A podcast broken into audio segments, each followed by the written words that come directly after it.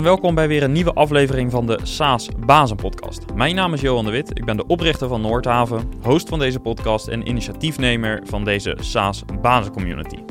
In deze podcast praat ik met SaaS-bazen uit Nederland en België over hun business. We praten over strategie, management, funding, metrics, marketing, sales en noem maar op. Eigenlijk alles waar een SaaS-baas mee bezig is. En naast deze podcast is er ook een online community waar je in contact staat met andere SaaS-bazen en met mij en mijn team. Deze community is exclusief voor SaaS-founders en mensen met een C-level functie binnen een SaaS-bedrijf. De communityleden staan voor dezelfde uitdagingen als jij en hebben jouw uitdagingen wellicht al eens getackeld. Het doel van de community: elkaar helpen om met elkaar en van elkaar te leren en om de bedrijven naar het volgende level te tillen en Nederland en België op de kaart te zetten als ontwikkelaar van, een geweldig, van geweldige SaaS-oplossingen. En vandaag in deze podcast hoor je mijn gesprek met Jeroen van den Nauwland van Echo, ook een SaaS-baas. Het is een vrij lang gesprek, dus ik houd de introductie even kort. Ik praat met Jeroen over applicatiehosting, backup en disaster recovery. Met Echo, zijn bedrijf, ek.co, helpt hij onder andere SaaS-bedrijven en uh, met bijvoorbeeld hosting, backup en disaster recovery. En dat is ook de reden dat Echo zich als partner heeft aangesloten bij de SaaS-basiscommunity. Ook deelt Jeroen de inzichten die hij heeft opgedaan tijdens de bedrijfsovernames die hij heeft gedaan.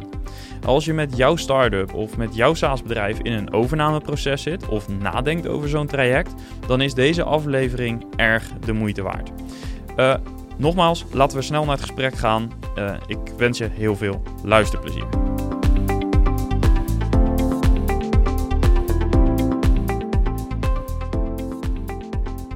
Ja, Jeroen, uh, van harte welkom in de SaaS Bazen Podcast.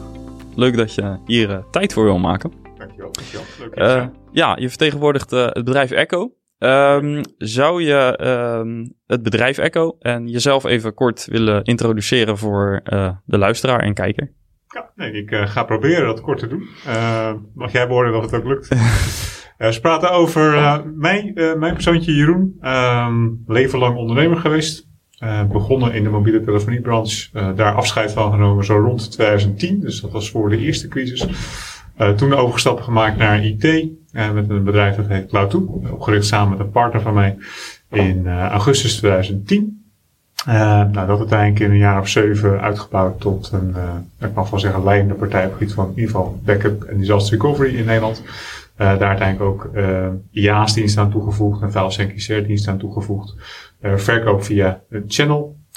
dus ik denk een 350-tal channel partners, in ieder geval in die tijd tot en met 2017, die onze diensten verkochten.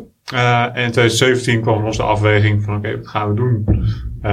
willen we de organisatie organisch laten groeien? Willen we ons aansluiten bij een grotere partij? toen uiteindelijk een keuze gemaakt om het bedrijf te verkopen aan een Ierse moederorganisatie.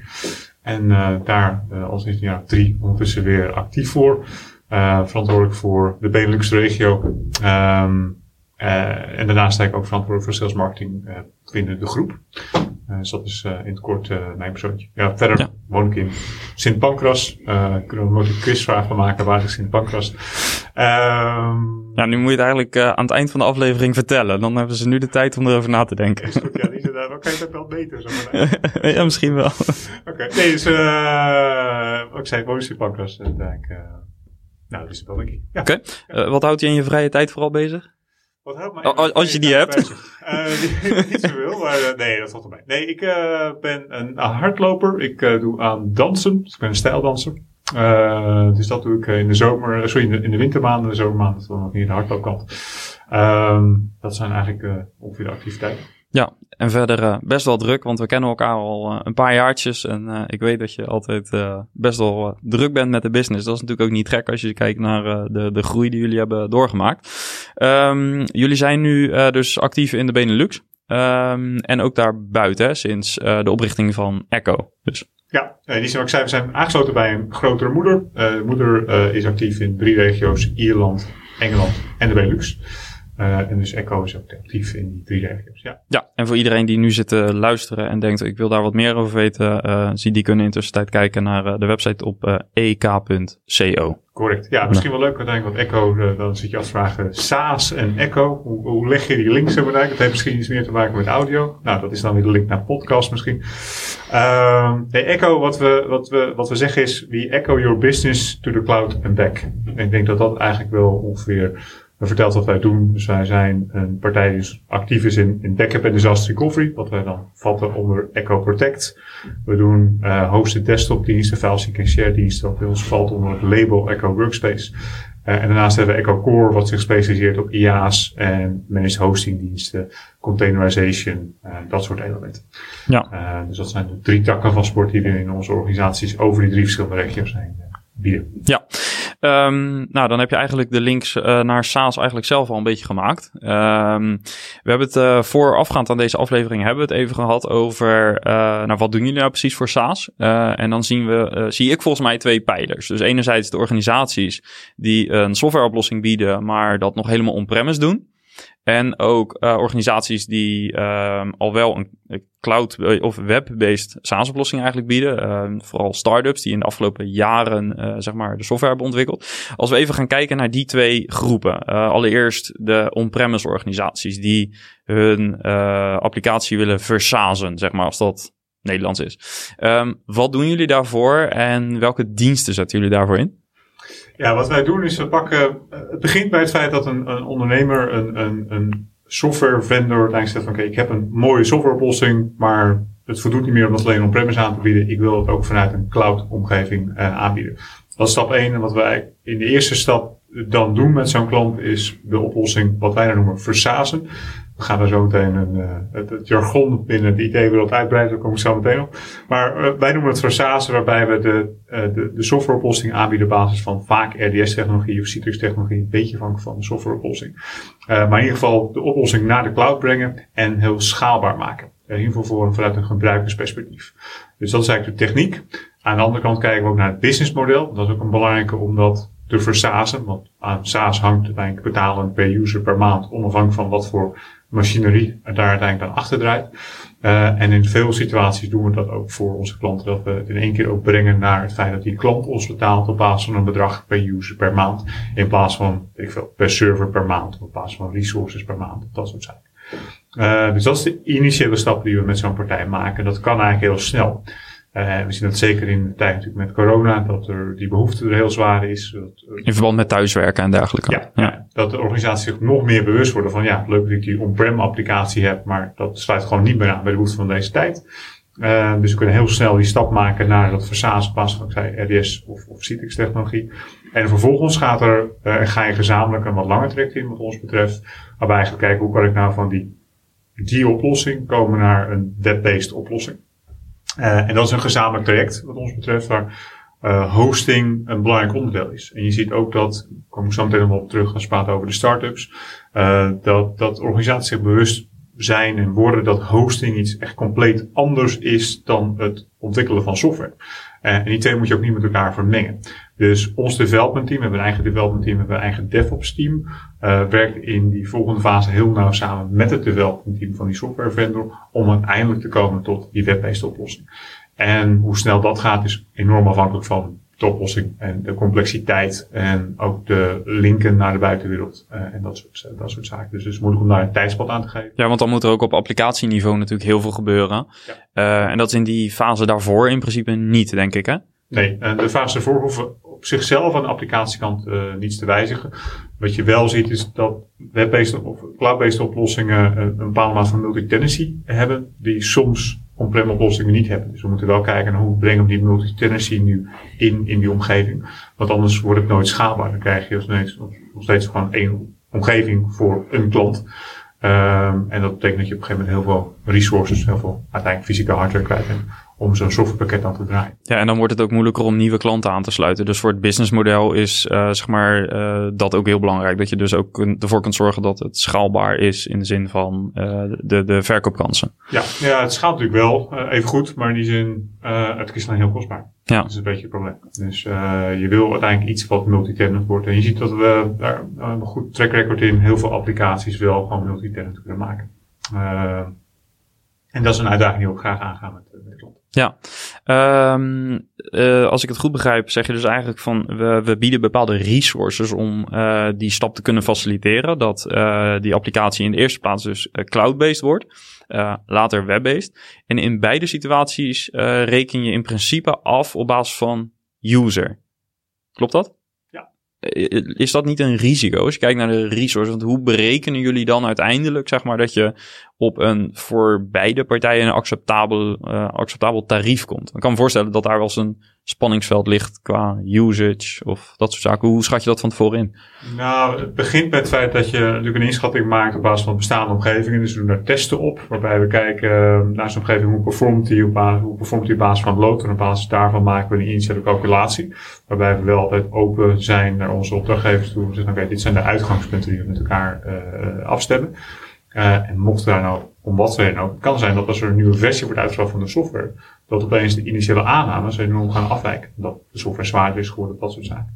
En dan vinden we in ieder geval dat we transparant moeten zijn geweest in die aannames. Dat we dan op basis van die aannames en de veilige situatie in ieder geval met elkaar in gesprek moeten kunnen gaan. Oké, okay, er zijn afwijkingen. Dat komt in de praktijk eigenlijk niet voor. Uh, dat we initieel die inschattingen relatief gezien goed doen. Ja. Uh, dus uh, daar zit wel een risico in, maar in de praktijk zie je dat risico niet zo heel erg zwaar terug. Ja, uh, je hebt al gezegd dat uh, zeg maar die stap van on-premise naar uh, cloud-based vrij snel kan. Hè? Cloud-based RDS of Citrix moet ik er dan bij zeggen. Um, dus termen Precies. Cloud-based SaaS en web-based SaaS. Ja, dat verschil dat gaan we nog duidelijker definiëren zo denk ik. dat is misschien wel goed voor de, voor de luisteraar. Um, maar je gaf aan dat dat snel kan. Um, nu zal dat bij ieder project een beetje verschillend zijn. Maar we zitten in een coronatijd waarin, nou we zijn nu denk ik twee, drie maanden zeg maar in uh, in het coronatijdperk hier in Nederland. Uh, hoe snel kan zoiets gaan? Ik heb nu een uh, on-premise applicatie. ik klop bij jullie aan. Over hoe lang ben ik cloud-based? Ongeveer. Ben net, net, we hebben net direct gedaan met een klant. Daar was ik heel blij trots op het team. dat, dat hebben we in een week gedaan. Uh, dus het kan heel snel. Ik zeg niet, dat is geen garantie overigens. niet iedereen mag wel zaken even een week. Maar het kan heel snel. Uh, nog eens afhankelijk van de complexiteit uh, van de omgeving en ook naar de koppelingen die er zijn naar andere oplossingen. Uh, die bepalen ook een beetje de complexiteit. Maar het kan echt heel snel. Ja. Helder. Um, ik wil even, kijken naar de, de volgende term. Uh, dan ga je echt naar uh, web-based SaaS. Dus da, uh, we hebben hiervoor even een discussie gehad over van wat is nou SaaS. nou, volgens mij kwamen we een beetje tot het inzicht dat je web-based en cloud-based SaaS hebt. we hebben net even gehad over cloud-based SaaS. Dat is bijvoorbeeld een applicatie die via een RDS of Citrix verbinding te bereiken is. Um, als we kijken naar een omgeving die helemaal web-based is, dus echt web-based SaaS, zoals we de meeste software software nu kennen. We hebben bijvoorbeeld over uh, in Nederland uh, een, een Moneybird, Exact Online, dat soort partijen bijvoorbeeld. Um, wat doen jullie voor die groep? Want die groep die draait al op een server, die hebben al hosting, die hebben mogelijk al backup. Um, wat doen jullie voor die groep? Nou, je ziet dat die groep nou, globaal zie je heel veel, als je praat over complete web-based oplossingen, zie je dat dat ofwel hele grote organisaties zijn, ofwel start-ups. Uh, en als je praat over die start-ups, dan zie je dat dat ooit begonnen is met een heel goed idee. Vanuit een software technisch achtergrond. En daar komt een beetje het punt terug dat we dan uh, een development afdeling krijgen die uiteindelijk ook de hosting gaan doen. Uh, dus dat begint dan in AWS of Azure, uh, dat is hip. en vervolgens over de tijd heen zie je dat daar issues gaan ontstaan. Enerzijds omdat we dat is een situatie waar we vaak tegenaan lopen. Ze rekeningen krijgen per maand erbij zeggen, ja, maar dit sluit niet helemaal meer aan bij ons businessmodel. Maar eigenlijk ook daar moeilijk uit weten te komen. En andere kant die je vaak ziet is performance. Uh, en waar wij dan instappen is wij dat we een analyse maken van die omgeving. Uh, kijken naar hoe kunnen we die nou optimaliseren. Eigenlijk vanuit twee kanten. Enerzijds techniek. Maar aan de andere kant denk ik ook vanuit uh, een prijstechnisch element. Hoe kunnen we nou zorgen dat we met minder resources meer kunnen doen. Ehm, en er kan ook een evaluatie uitkomen waarbij je zegt, uh, ja, is het platform wat je gekozen hebt, bijvoorbeeld, mag dat Azure of, of Amazon, is dat de juiste keuze? Of zou je misschien een andere keuze kunnen maken? Of is dat nog steeds de juiste keuze? Want waar het in het begin misschien de meest logische keuze is, wat je zegt, het is hip, maar misschien zijn er nog andere redenen waarom je zegt, nou, uh, daar wil ik het onderbrengen. Uh, maar op een gegeven moment kun je misschien naar een bepaald volwassenheidsniveau, of dat je meerdere users krijgt of een bepaalde complexiteit, waardoor zo'n platform misschien moeilijk te beheren is of andere uh, elementen. Uh, dat je daarom zegt van nu hebben we onze developers echt dedicated nodig om echt de aan de applicatie te werken. die hebben niet meer de kennis om daadwerkelijk tot op serverniveau bij te blijven, ook qua kennis en expertise. is, is dat ook um, een, een trigger point, zeg maar, waar organisaties merken dat ze een externe partner nodig hebben? Ja, je ziet. Ik kan het moeilijk beoordelen. Ik denk uiteindelijk dat het ene gevolg is van een ander, maar wij stappen meestal in op het moment dat er issues zijn. En of het dan het gevolg is van de onderwerpen die jij aanroept, dat, dat weet ik niet zeker. Maar ik denk wel dat het belangrijk is om ook te kijken naar. Uh, sowieso vind ik bij, en dat is een tip richting alle SaaS-partijen, ook al startende SaaS-partijen, om heel erg bewust te zijn van de lock-ins die er zijn aan, vanaf aan de public cloud kant. Natuurlijk eigenlijk nu vier grote partijen. Dus we hebben uh, Microsoft met Azure, uh, Amazon met, met AWS, uh, Google en uiteindelijk ook Alibaba. die zien ook dat komt in Nederland. We hebben nu de eerste partijen gezien die daar een, een omgeving op laten landen. En die partijen hebben allemaal een soort van lock-in elementen. Of het nou hosted databases zijn of dat hele specifieke features zijn. Uh, en ons advies is wel altijd heel goed na te denken en een afweging te maken. Oké, okay, als ik daar gebruik van maak, dat heeft voordelen. En soms ook kostentechnische voordelen. Maar het heeft ook een belangrijk nadeel. Namelijk, je kan er nooit meer uit. Uh, in ieder geval nooit is een beetje ingewikkeld. Maar je moet dan... Je moet best wel heel veel stappen maken om een migratie te laten plaatsvinden. Dus en onze visie is dat je cloud agnostic moet zijn. Dus eigenlijk onafhankelijk moet zijn van cloud uh, oplossingen. Um, en wat we ook doen voor een aantal klanten is dat we uh, workloads splitsen. Dus het zou kunnen zijn dat voor een deel van de workload van de softwareoplossingen het goed is om gebruik te maken van de Echo Cloud.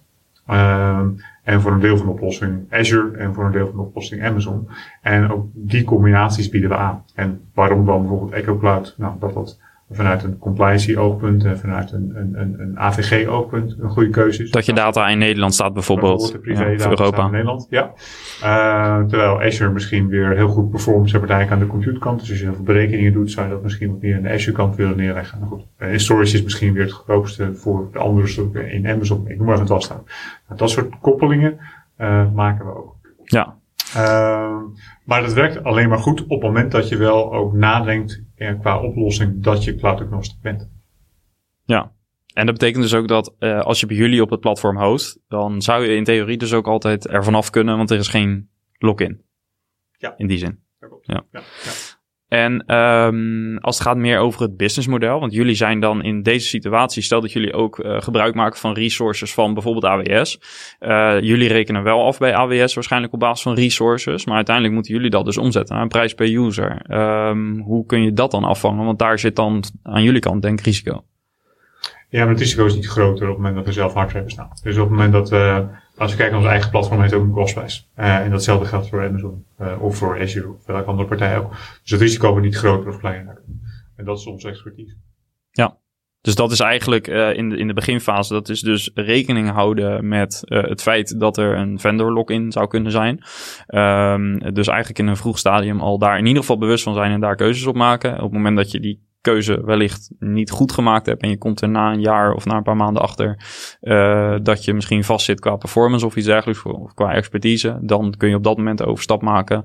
Uh, dan ontwerpen jullie als het ware een nieuwe uh, hostingomgeving en jullie helpen met migratie. dan heb je uiteindelijk een managed hosting oplossing. Uh, denk ik, hè, want jullie beheren uh, de volledige infrastructuur. Uh, ik kreeg een aantal vragen binnen voorafgaand aan uh, dit gesprek. Een van die vragen was: um, wat is het verschil tussen managed hosting en serverless hosting? Als er een verschil is. Kun je daar iets over zeggen? Ja, managed hosting is, dat is een beetje de ouderwetse containerterm zeg maar, voor, voor hosting. En dus als je daar dan management op doet, dan heb je managed hosting. Dus die zin uh, zo omschrijf ik Veel, veel sexier wordt het niet. Nee, Als je wat over serverless hosting, dan gaan we wel naar die secties toe. Uh, dan zit je eigenlijk wat meer aan de kant van de containerization. Ehm, en omdat het makkelijkste uit te leggen is misschien terug te gaan naar eigenlijk het, het, virtualiseren van omgevingen. De eerste stap van virtualisatie die we gemaakt hebben is het virtualiseren van hardware. Uh, dus dat betekent dat we bepaalde zaken kunnen delen. Dus dat we uiteindelijk een server, uh, fysieke server kunnen delen in meerdere virtual machines. En daardoor uiteindelijk de resources daaronder efficiënter kunnen gebruiken. Uh, en als je gaat kijken naar dat model, dan zie je dat daar nu weer een nieuw inefficiency punt is ontstaan. En dat is namelijk het OS, de OS-laag, de, de, operating system laag. Um, en wat containerization doet, buiten een aantal heel veel andere dingen nog, maar uh, belangrijk is eigenlijk dat het die OS-laag uh, als het ware virtualiseert. Dus dat eigenlijk meerdere workloads, meerdere omgevingen uh, gebruik kunnen maken van één OS-laag. En een gevirtualiseerde uh, ja, OS-laag. Dus, ja, dus eigenlijk een, ja, dus een, volgende stap in de virtualisatie. Uh, en wat is uiteindelijk het voordeel voor die gebruiker? Wanneer zou je dit moeten overwegen? Of, of is dat niet iets wat het SaaS-bedrijf per se moet overwegen? Zit dat meer aan jullie kant? Dat je die keuzes maakt? Een combinatie van die twee. Want je moet wel, om er goed gebruik van te kunnen maken, moet je je software ook echt ontwikkelen op gebied van containers. Dus het is echt wel, het is echt wel een nieuw vak. Als je heel zwaar aan de Windows kant zit, dan is eigenlijk zo containerization op dit moment nog iets voor toevoegt, want containerization en Windows gaan niet helemaal samen. Er zijn een aantal technologieën die het niet mee eens zijn, maar in principe containerization zit voornamelijk aan de Linux kant. Um, en um, dat is een keuze die je gezamenlijk met elkaar, uh, kan maken. Wat levert het op? Het levert op het feit dat je workload efficiënter wordt. Het levert standaardisatie op. Uh, en het levert schaalbaarheid op. Het voordeel van containers is het feit dat ze heel makkelijk schaalbaar zijn. Veel makkelijker dan uh, VM's. Dat zijn denk ik de belangrijkste drie onderdelen. En dat zorgt er eigenlijk voor dat je ja, sneller uh, grotere workloads aan kan en dat de omgeving betrouwbaar wordt. Op dezelfde resources, Op in feite. Resources. Ja, oké. Okay. Maar dus dit is een, een mogelijk gespreksonderwerp op het moment dat je inderdaad uh, bij jullie uh, gaat versazen of gaat hosten. Ja, correct. Ja, ja, ja. Okay. dat is iets waar je dan samen naar moet kijken. Ja. Um, alright. Andere, andere belangrijke pijler bij jullie is backup. Um, ja. Daar is uh, Cloud2 natuurlijk ooit begonnen, uh, als ja. ik het uh, goed zeg. DR, disaster recovery, zit daar natuurlijk dicht tegenaan. Ehm, vanuit, ook daar zal niet iedere techneut het misschien mee eens zijn, maar dat, daar is een verband. Um, op gebied van backup, ook daar heb ik een aantal vragen binnengekregen van SaaS-bazen, van technische SaaS-bazen. als we gaan kijken naar backup, dan is er ook meteen een andere interessante, of komt er een andere interessante vraag naar voren. Van wie is er nou verantwoordelijk voor data in een SaaS-applicatie. Uh, het zijn natuurlijk uh, verhalen bekend over uh, organisaties die data in Office 365 hebben gezet bijvoorbeeld en verwachten dat, die dat daar een backup plaatsvindt. maar dat blijkt niet altijd zo te zijn. Um, hoe zit dat uh, bij een SaaS-applicatie en wat moet een SaaS-aanbieder, uh, waar moet hij rekening mee houden als het gaat om de backup van die data? Wat zijn de verplichtingen? Waar liggen de verantwoordelijkheden? Misschien een beetje een brede vraag, maar ik denk dat jij hem vaak genoeg gesteld krijgt. Dus uh, wellicht kun jij er wat, wat over zeggen. Ja, heb je drie kwartier? drie minuten. Oké, okay. nou, dan gaan we dan. Um, even beginnen. de eerste, het eerste deel van je vraag is eigenlijk een juridische vraag. Uh, wie, is, wie, is er verantwoordelijk voor die data? Uh, ik denk de makkelijkste as om dat op basis van te beoordelen, in mijn opinie, maar ik ben geen jurist, uh, is het feit dat, dat de, klant van de SaaS-aanbieder de eigenaar is van de data en daarmee uiteindelijk de verantwoordelijke. En vervolgens de SaaS-aanbieder de verwerker wordt en de hostingpartij subverwerker wordt van de SaaS-aanbieder. Uh, en eventueel nog, als, als, als wij dan nog Amazon zouden indoen, dan wordt dat sub-sub. Uh, dat is zoals ik het zie de keten. Maar de klant van de SaaS-aanbieder is de eigenaar en is ook de verantwoordelijke van de data. Dat is dat deel van, de, van, van jouw vraag. Uh, en dat is interessant dat je uiteindelijk zegt, uh, en je noemt Microsoft 365 en Microsoft 365, dat moet ik tegenwoordig Microsoft 365 moet ik wachten. Ja, in plaats van Office, ja.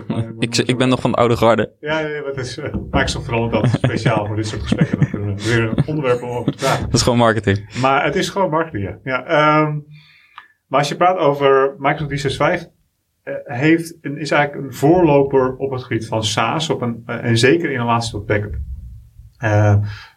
Nou, heel veel mensen weten dat waarschijnlijk dat Microsoft 365 komt voort uit Office 365 en daarvoor heet het BPOS. En dan ga ik nu echt een jaartje of vijf, zes terug, denk ik, in de tijd. Uh, en dat was voor mij al het eerste moment dat ik zei tegen backup vendoren, uh, die backup software maken, veel, volgens mij is dat wel iets waar we naar moeten kijken.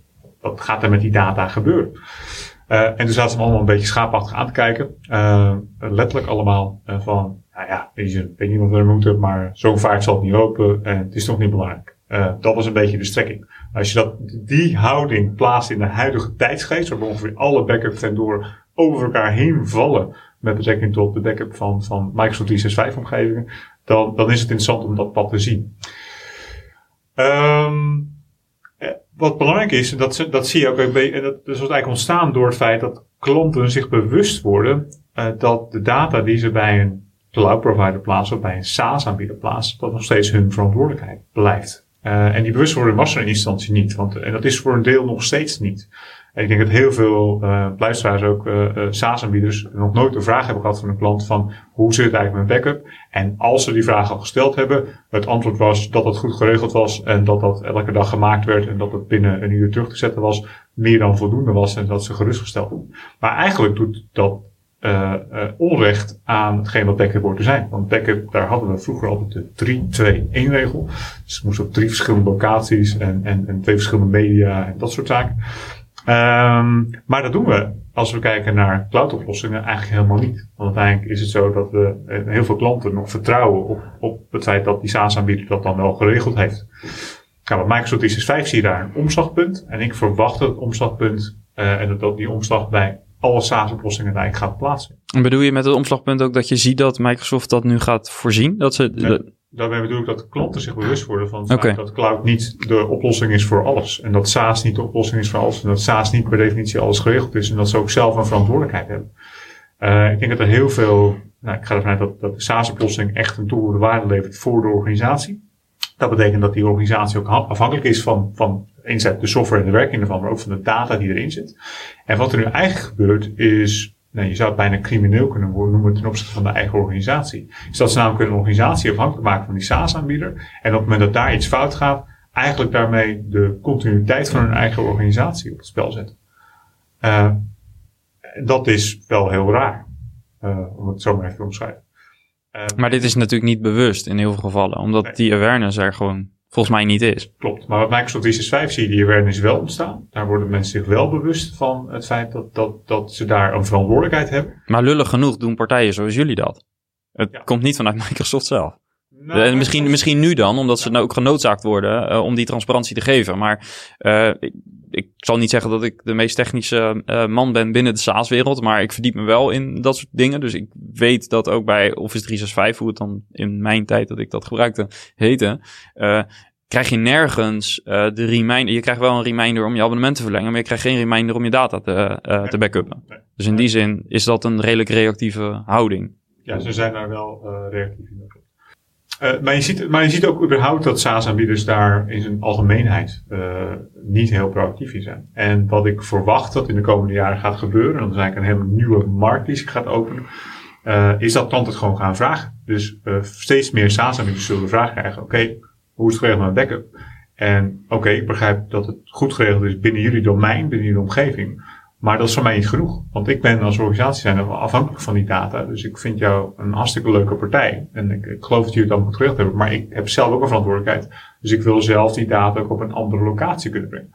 Nou, daar krijg je eigenlijk cloud-to-cloud backup. Dat is nu doen voor, voor Microsoft 365 in een veel breder kader. En dat zorgt ervoor dat je je SaaS-oplossing daar ook voor geschikt moet maken. Uh, dus je moet nu al rekening houden. Dat zou kunnen op basis van API-koppelingen die mogelijk zijn. Uh, dat die data er op een goede, efficiënte manier uitgehaald kan worden. Je moet rekening houden met het feit dat daar dus een uitzendende datastroom gaat ontstaan. Waar je platform ook klaar voor moet zijn. Dus er zit ook een hosting component aan. Uh, en dat, dat, dat gaat echt gebeuren. Um, en ja, dat is een belangrijke stap om mee te nemen. Ja. Uh, nu zou je kunnen zeggen, uh, er zijn grofweg twee soorten SaaS-aanbieders. De, de, de aanbieders die uh, vooral enterprise targeten en de organisaties SaaS-oplossingen die wat meer voor MKB of, of kleinere organisaties zijn of zelfs nog B2C, maar die laat ik dan even rusten. Dus als je kijkt binnen het B2B-spectrum heb je echt de, de, de oplossingen die targeten op kleinere organisaties en enterprise. Um, als je je SaaS-oplossing richt op enterprise-organisaties, dan krijg je vaak al dit soort vragen. Dus hoe zit het met GDPR, hoe zit het met dataprotectie, dat soort zaken. Uh, maar zeker voor de SaaS-oplossingen die uh, bijvoorbeeld klein MKB targeten, daar uh, wordt die vraag misschien ook minder gesteld. Um, ja, maar ik, terwijl het even relevant is. Ook, maar ook in de enterprise-markt zie je wel, oké, okay, waar staat mijn data? en dan gaat alleen de locatie vanuit een, een GDPR-gedachtegang of een AVG-gedachtegang. Maar daar houdt het dan vervolgens op. Dus ze, ze, nemen, ze ondernemen zelf geen actie om die data dan ook op een eigen locatie ergens op te slaan? Je ziet dat eigenlijk heel weinig. Hm. Uh, en ik geloof in het feit, sterker nog, ik heb, ik heb klanten die reëel, die gewoon aan, aan ons vragen, oké, ik heb een oplossing in Azure en ik wil een disaster recovery oplossing naar Azure. Hm. En elke backup en disaster recovery expert die zal dan zitten aankijken en die, die begint denk ik, die, die past in huilen uit en die vraag dan volgens mij maar, hoezo denk je nou dat het een goed idee is? Want uiteindelijk, je brengt iets van één omgeving naar een andere omgeving. Natuurlijk heb je te maken in met regio's. Uh, maar ja, het is uiteindelijk wel één platform. Dus op het moment dat er iets fout gaat, en uiteindelijk is Microsoft ook maar één organisatie. Ja. Uh, en dus als daar iets fout gaat, dan ben je nog steeds, uh, heb je nog steeds een probleem. En het is net zo eenvoudig om Azure naar Azure te doen als Azure naar Echo Cloud of Azure naar Amazon. Dus maak dan die keuze. Uh, dus het zit ook echt wel een stuk bewustwording bij mensen dat, dat, ze, dat, dat cloud iets heeft, dat het gewoon de heilige graal is, dat het alles oplost. Uh, of misschien en SaaS ook vooral. Ja, en SaaS. En te weinig uh, misschien kennis hebben van de, de achterliggende omgeving en de achterliggende problematiek. Ja, dus eigenlijk zou je kunnen zeggen, je hebt zeg maar, het is software as a service.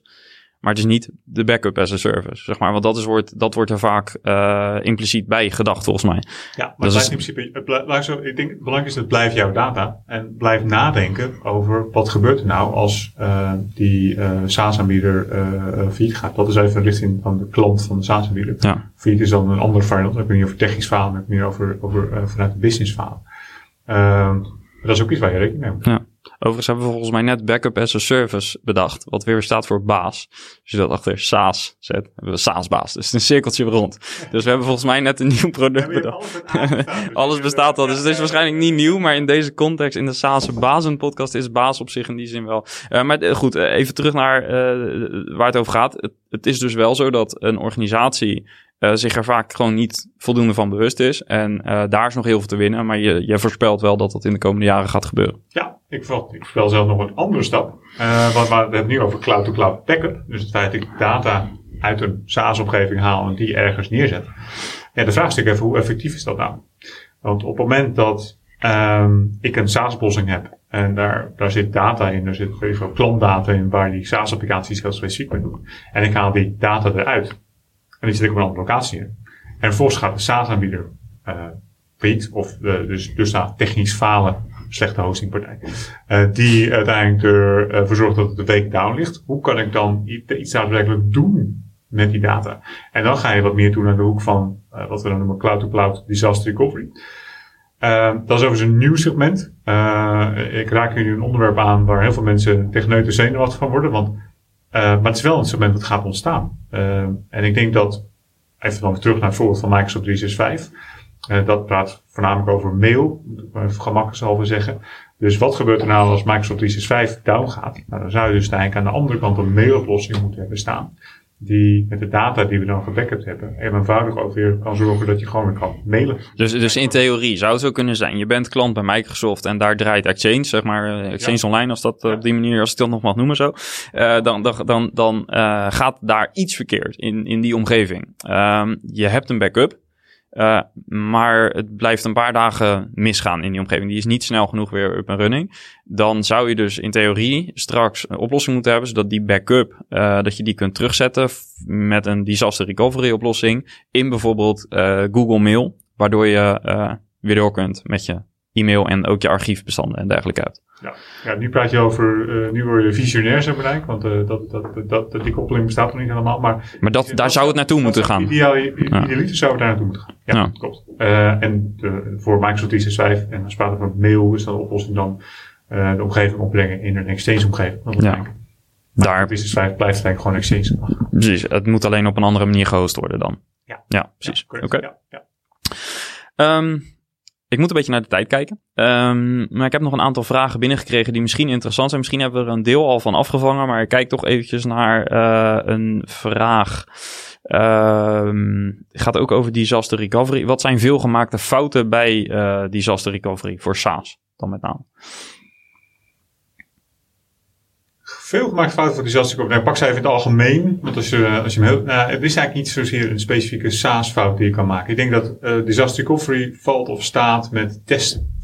Uh, en de oplossingen die gebruikt worden voor het maken van backups of van, van, disaster recovery zijn niet goed in staat om de integriteit van de data te controleren. Dus op het moment dat een oplossing zegt dat de backup is succesvol, dan, dan is de data die er stond, die staat ook keurig niks in de backup. Daar heb ik op zich geen twijfel over. Maar veel van de SaaS-oplossingen maken gebruik van databases. De databases hebben de neiging om corrupt te raken. Uh, en die kunnen ook wekenlang corrupt zijn en keurig netjes hun werk doen. Uh, maar dus corrupt zijn zonder dat je het eigenlijk daar iets van merkt. Ja, dus backup is geslaagd, is al maanden geslaagd, maar uh, ja. het verkeerde is gebackupt, zeg maar. vervolgens is het zo dat die, nou het gaat fout, server gaat down, uh, vervolgens moet die, uh, voer je een restore uit, breng je de database server op en dan komt uiteindelijk de corruptie tot uiting. Um, daar kan je dat met niks meer aan doen. Sterker nog, als je een beetje pech hebt en er zat er al drie maanden in en je hebt een korte retentieperiode, dan kan je er niks meer mee. Het enige wat je dan gaan, gaan proberen te doen is de database repair. Uh, dat kan dan soms zelf niet. Het is slechts een voorbeeld, er zijn meer voorbeelden te noemen, maar slechts een voorbeeld waarom het uitvoeren van een regelmatige disaster recovery test heel waardevol is. En dat is iets wat heel veel organisaties doen. Ja, en die moet dus frequenter zijn dan je retentieperiode, vanzelfsprekend. Ja, wat wij hebben is een oplossing waarbij we op dagniveau geautomatiseerd disaster recovery testing doen. Dat doen we voornamelijk veel voor de financiële wereld in, in, in Engeland in dit geval. Um, waarbij we dus geautomatiseerd op dagniveau een backup maken van de omgeving bij de klant naar onze cloudomgeving toe. Uh, vervolgens als die klaar is, brengen we die omgeving volledig op. Uh, en voeren we daar een heel uitgebreid, uh, uitgebreide test voeren we daarop uit. Waarbij we niet alleen kijken of servers opkomen, uh, zoals we dat zo mooi noemen, maar ook kijken of de connecties tussen die servers ontstaan, database niks opkomen. We voeren database queries uit, of we daadwerkelijk ook de feedback terugkrijgen die we verwachten. en daar komt dan aan het eind van de avond een mooi rapport uit, die we dan toesturen. Uh, waarbij je dus eigenlijk die stap waar iedereen tegenaan hikt, want een disaster recovery test uitvoeren spraat over dingen die niet leuk zijn, is dat een van de dingen die niet leuk is. Zeker omdat je het elke, als je het elke dag moet doen. Uh, als je elke dag moet doen, is het zeker niet leuk zijn uh, maar dit hebben we dan volledig geautomatiseerd. En daarmee zie je dat we heel veel dingen eruit halen. Wat je vaak ziet bij over die rapporten, uh, is dat wij eerder issues zien vanuit de operationele omgeving dan dat de beheerders in de operationele omgeving snel zelf zien.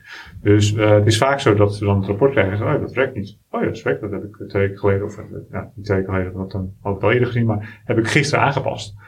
Um, en dat is inderdaad een issue. Dus dat moet wel van aandacht besteden in de operationele omgeving. Dus eigenlijk is je DR-oplossing min of meer een, zelfs een soort audit, zeg maar. Een soort monitoring ja, systeem bij ja. de operationele omgeving. Ja, ja, interessant. En zo zet je hem niet op, maar dat komt dan naar voren. Ja, ja absoluut. Interessant.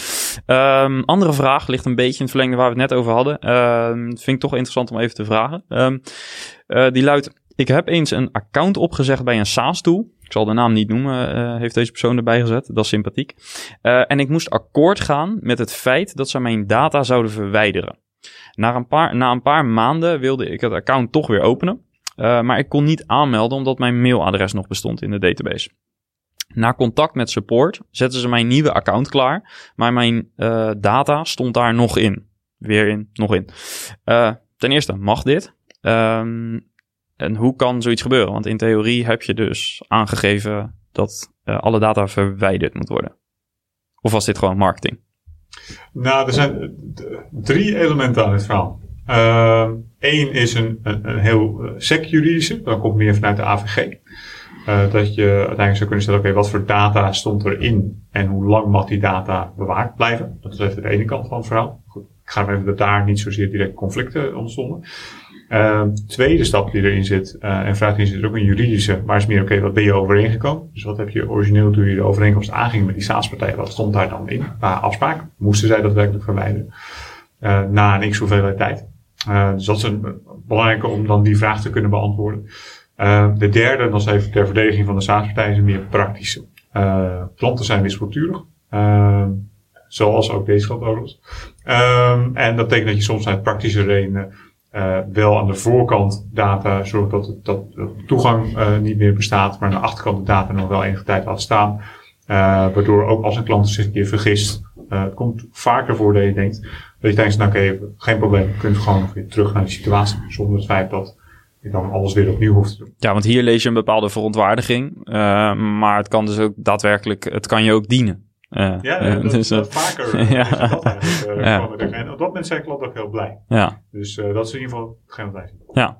maar ik kan niet op basis hiervan goed beoordelen of het wel of niet juridisch gezien klopt of niet. Nee, snap ik. Dat moet overeenkomst worden, erbij ja. worden. Laten we dat vooral niet doen, maar ik hoop dat dit in ieder geval wel een deel van de vraag beantwoordt. Um, andere was nog, wie is bij private of nee, white label verantwoordelijk voor data? En dus ook backup. Ik zie geen verschil bij white label SaaS-oplossingen ten opzichte van algemene SaaS-oplossingen. Uh, en dan pak ik weer even de as van de AVG erbij. Dus dan hebben we gewoon te maken met een, uh, een eigenaar van de data, zeker de verantwoordelijke SaaS-partij, uh, verwerker met dan subverwerkers daaronder. dus ik zie geen aanleiding waarom dat bij een white label anders zou zijn. Zijn denk ik de partijen die ertussen zit, dus de, de, de, degene die de brand koppelt aan de SaaS-oplossing. Uh, juridisch zou ik ook zeggen dat het, dat, dat een verwerker is ook. Ja, ook omdat daar waarschijnlijk aan doorgefactureerd wordt. Ja. Uh, dus in die zin ligt daar sowieso een verantwoordelijkheid uh, ja, waarschijnlijk. Ik zeggen dat dat de eerste verwerker wordt. Dus degene die het brand koppelt aan de SaaS-oplossing. Uh, dat is de verwerker. En daarna wordt eigenlijk de eigenlijke aanbieder van de SaaS-oplossing wordt de subverwerker. Ja. Dat is in ieder geval mijn interpretatie ervan. Maar nogmaals, ik ben geen jurist. Nee, laten we die disclaimer uh, plaatsen. Ja, ja, ja. ja. Goed. Um, ik heb nog een andere vraag die niet zozeer over SaaS gaat. Uh, maar wat meer over uh, toch wel een, een thema wat veel SaaS-bazen bezighoudt. En dan gaat het over groei. Um, ook bij SaaS-bedrijven is er natuurlijk um, ja, de mogelijkheid om overnames te doen, om uh, te groeien door um, aansluiten bij grotere organisaties. Um, of om zelf uh, een bepaalde organische groei uh, te, te, ja, te regelen eigenlijk. Um, je hebt uh, helemaal in het begin van deze aflevering verteld over uh, de keuze die jullie uiteindelijk hebben gemaakt. Uh, na eerst organische groei om uh, daadwerkelijk aan te sluiten bij een groter, grotere organisatie. zijn er bepaalde algemene tips die je kunt geven aan SaaS-bazen die zo'n stap ook overwegen? Ehm, waar begin je? Waar moet je op letten? Wat zijn de valkuilen in algemene zin? Nou, dat is, als je dan nog drie kwartier hebt, dan gaan we hier ook antwoorden. Misschien een nieuwe aflevering van maken. nee, ik denk het aantal dingen. Uh, als je praat over, want we praten hier over meer vanuit een ondernemersperspectief. Uh, ik denk dat het begint bij het feit dat je heel terug bij jezelf blijft. En dat je heel goed nadenkt, oké, okay, waar word ik gelukkig van in het leven? En ook misschien wel over ego heen stapt. Uh, en met ego bedoel ik, en dat heb ik zeker gehad aan het begin van mijn carrière, dat ik erin geloof dat er maar één weg was. Dat is namelijk de definitie de grootste te worden in alles wat ik deed. Uh, zeg niet dat ik daarin geslaagd ben, maar dat is wel mijn drijfveer. En de vraag is of dat, volgens mij hebben meer mensen dat. Uh, en de vraag is of dat wel de goede drijfveer is. Want misschien uh, is jouw eigenlijke drijfveer wel het feit dat jij een heel mooi product wil bieden. Uh, en dat als je dat kan doen voor een relatief gezien beperkte set klanten, dat je daar veel gelukkiger van wordt dan het feit dat je de grootste wordt met alle mogelijke problemen en zorgen die erbij komen. Want alles wordt op met op schaal heel groot. Dat is denk ik de eerste die ik mee zou willen geven van uh, blijf dicht bij jezelf. En dan dat kader ook. Uh, weet je, vind je het fijn om de verantwoordelijkheid te delen op het moment je onderdeel wordt van een groter geheel, ben jij niet meer alleen, uh, sta je aan, aan het roer. Uh, wil je dat wel, wil je dat niet? Dus hoe belangrijk vind je eigenlijk je volledige eigen autonomie? Uh, dat is denk ik een belangrijk element. En als je al overweegt om stappen te maken richting een, samenwerking met een andere partij, in welke vorm dan ook, of dat een fusie is of, of overgenomen worden of wat dan ook, om ook goed te kijken van oké, okay, hoe gaat die samenwerking er dan uitzien? Er zijn meer situaties denkbaar. Ik dat 90% van de overnames uiteindelijk ervoor zorgen dat de oude eigenaar van de partij die overgenomen zijn, er niet meer zijn na een jaar. Uh, dat, dat geeft een indicatie. Dus ik denk dat dat belangrijk is. Kijken wat, wat, wat is mijn rol, hoe zie ik dat? En, en ben ik echt, wil ik echt aan het roer staan? En is het de enige plaats die ik kan hebben? Of kan ik ook uh, in een andere functie in een organisatie functioneren? Uh, dus die zou ik willen meegeven. ik denk ook belangrijk is na te denken hoe belangrijk is, dat geldt voor ons, hoe belangrijk is schaal in de markt waar we in zitten. Voor ons is dat heel belangrijk. Maar er zijn ook genoeg, ik denk zeker in de SaaS-wereld, daar zie ik toch wat meer, dat zijn toch vaak wat meer niches. Uh, is schaal mijn gevoel minder belangrijk. Dus de vraag is even wat je dan bereikt met die uh, eventueel aansluit bij een grotere partij. Dat is even degene, de onderwerpen die zo bij me opkomen als ik dit, uh, ja. dit zo hoor. Ja, heel helder. Uh, ik denk ook heel uh, bruikbaar voor mensen die uh, in dat proces zitten. Ehm, heb je, hoe, hoe is dat voor jou geweest? Want je, je beschrijft zeg maar de aandachtspunten. Ehm, en je hebt een, uiteindelijk een keuze dus gemaakt om daadwerkelijk op die grotere trein te stappen. maar wat, hoe, hoe zag dat proces er dan emotioneel voor jou uit? Want ik, een deel daarvan is emotioneel geweest in ja, dat besluit. Ik, ik ga nu op beginnen ja, dat ga ik wel zeggen. Nee, in die zin, uh, ik denk dat de grootste desillusie is uh, op het moment dat je je bedrijf verkocht hebt. Uh, want dan verwacht je eigenlijk dat de wereld verandert. Uh, of zo, weet ik niet. Het is een proces waar je in ieder geval heel de tijd naartoe werkt. En dan heb je dat proces gehad. De dag daarna is het afgerond. En dan, dan is de wereld niet anders geworden. Uh, dat is eigenlijk wel best wel een soort van desillusie. Ik denk dat heel veel mensen die een bedrijf verkocht hebben, ik denk dat die dat beamen. Dat het eigenlijk, dat eigenlijk blijkt dat het, dat het niet zoveel, dat niks verandert eigenlijk. Uh, dus dat was een element voor mij. Uh, daarna krijg je een element uh, waarbij je dan, nou goed, ik zou initieel zes maanden aanblijven in die organisatie. dat je wel echt aan het zoeken bent, oké, maar wat is nu mijn rol precies binnen het geheel, zeg maar. dus dat, dat was in het begin best wel zoeken. Het voordeel voor mij was dat ik me aansloot bij een club die hele grote ambities had, maar relatief gezien zelf ook nog klein was. Dus dat betekent dat ik daarin heel veel autonomie had. Uh, dus eigenlijk ik gewoon nog kon blijven doen uh, wat ik wil. Dus het, het feit dat ik, ik hoef het toiletpapier zeg maar eigenlijk niet te verantwoorden. om het zo maar even te omschrijven. dus ik, ik, had echt heel veel vrijheid. en er was voor mij een hele goede klik. en ik vond de uitdaging heel leuk. dus er zat voor mij een nieuw element in waarbij ik dus ook overnames doe. Uh, binnen, binnen Nederland, maar ook wel uh, binnen de groep. En dat was een heel leuk nieuw element. De groei was een heel leuk nieuw element. In een grotere organisatie opereren was een heel groot uh, nieuw element. gecombineerd met de vrijheid en het feit dat ik uiteindelijk ook weer mede aanhouder ben geworden, maakte voor mij het pakket compleet en als de reden ook nu nog zit. ik denk als ik de vrijheid niet had gehad, was ik al lang weg geweest. Uh, dat is ook... Want dat zou dan je ondernemerschap afremmen, zeg maar. Ja, ja. dan ben je gewoon uh, ben je geen ondernemer meer. Nee. Uh, en dat is iets wat voor mij wel een belangrijk element is. Ja, dus daarin is aandeelhouderschap misschien zelfs uiteindelijk doorslaggevend. Waarbij het mm, vooral over die autonomie gaat. Ja, ik heb voor mezelf altijd gezegd dat ik het verschil wil kunnen maken. Ik wil het gevoel hebben dat ik een beslissing kan nemen die het verschil maakt voor de organisatie. Dus op het moment dat ik een volger word, dan daar functioneer ik niet in. Dat werkt niet voor mij. Um, en dat, daar zijn meerdere elementen. Dus autonomie is een element. En het feit ook dat, dat, dat het je eigen organisatie is, is een ander element. Dat is voor mij in ieder geval persoonlijk heel belangrijk. Ja. Hoe ben je hiermee omgegaan naar je personeel? Um, je hebt op een gegeven moment dan besloten om die gesprekken te gaan voeren. Uh, daar gaat natuurlijk even wat tijd overheen. Uh, misschien ook uh, voor SaaS-bazen interessant om te horen. Hoe heb jij dat gedaan? Want de dingen kunnen ook gevoelig liggen. Dat mensen op zoek zijn naar een bepaalde zekerheid of uh, bepaalde stabiliteit. En jij als ondernemer misschien ook wat meer gewend bent en misschien zelfs op zoek bent naar een bepaald avontuur of die spanning. Hoe heb je dat gedaan? Nou, mijn advies zou zijn om het personeel daar niet in mee te nemen. Um, en er is een hele belangrijke reden om het niet te doen. Um, dat heeft te maken met het personeel heeft er geen invloed op, op het proces. Uh, maar geeft ze wel enorm veel stress en zorgen. Dus eigenlijk eh, breng je ze in een positie waarbij ze zorgen krijgen, onrustig worden en er geen invloed op hebben. Dus uiteindelijk, eigenlijk breng je ze in een, in een hele slechte situatie. Die ook voor jou niets toevoegt en voor hun overigens ook niets toevoegt, want anders hebben geen invloed. Uh, dus uh, ik zou ze pas betrekken op het moment dat het daadwerkelijk zin heeft. En als op het moment, en mijn advies zou zijn, op het moment dat je daadwerkelijk uh, getekend hebt.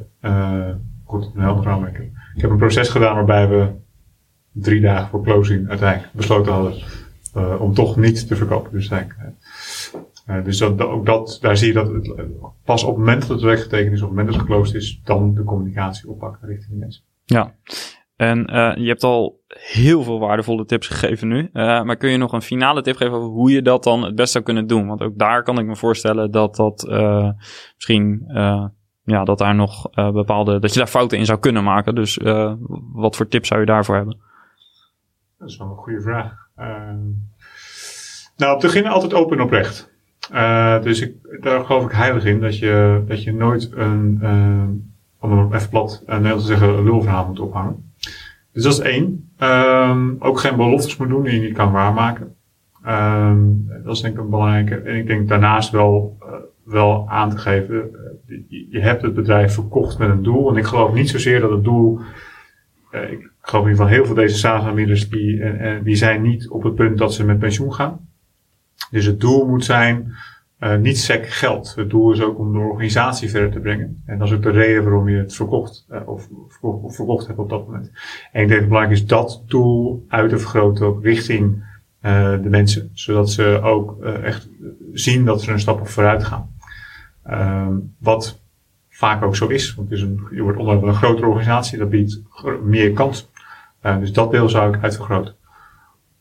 Dat zijn denk ik de belangrijkste. Ja. ja. Daar uh, wil ik je heel erg voor bedanken. Uh, waar kunnen mensen in contact komen met jou of je team? Uh, waar kunnen ze meer over jullie te weten komen? Nou, ze mogen me gewoon mailen als ze dat willen. ze mogen natuurlijk ook gewoon de website bekijken, zijn bedrijf in het algemeen.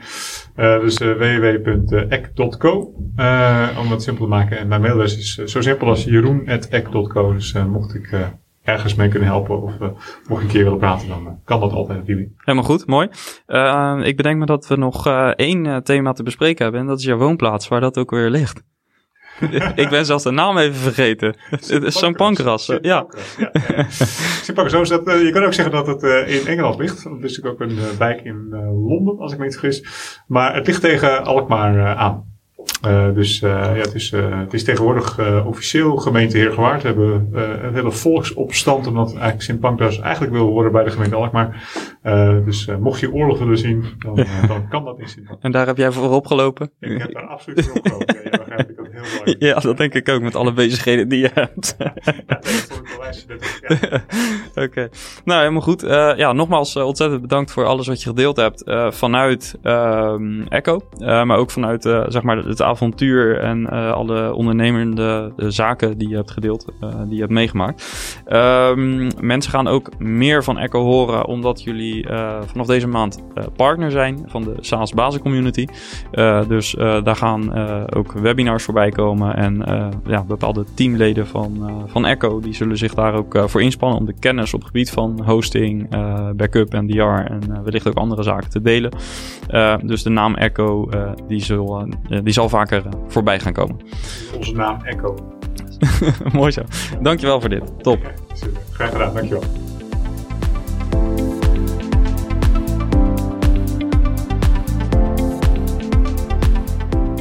Yes, en dat was weer een gesprek met een SaaS-baas, Jeroen van de Nauwland van Echo dus. Een interessant gesprek over hosting, backup en disaster recovery, uh, waar dus ook een klein juridisch tintje aan zit. Erg fijn om uh, Jeroen en zijn organisatie Echo aan boord te hebben als partner van deze community. Dat brengt weer nieuwe expertise en kennis met zich mee. En voor de communityleden is er een uh, korte route naar meer kennis over deze onderwerpen. Ben je zelf een SaaS-baas en wil je met andere SaaS-bazen sparren over jouw bedrijf? Meld je dan aan voor de community op community.saasbazen.nl. Of wil je liever één op één met mij sparren en nadenken over jouw business? Voeg me dan toe op LinkedIn en stuur me een berichtje. Was deze aflevering interessant voor je? Laat dan een review achter. Bedankt voor het luisteren, Saasbazen. Ciao!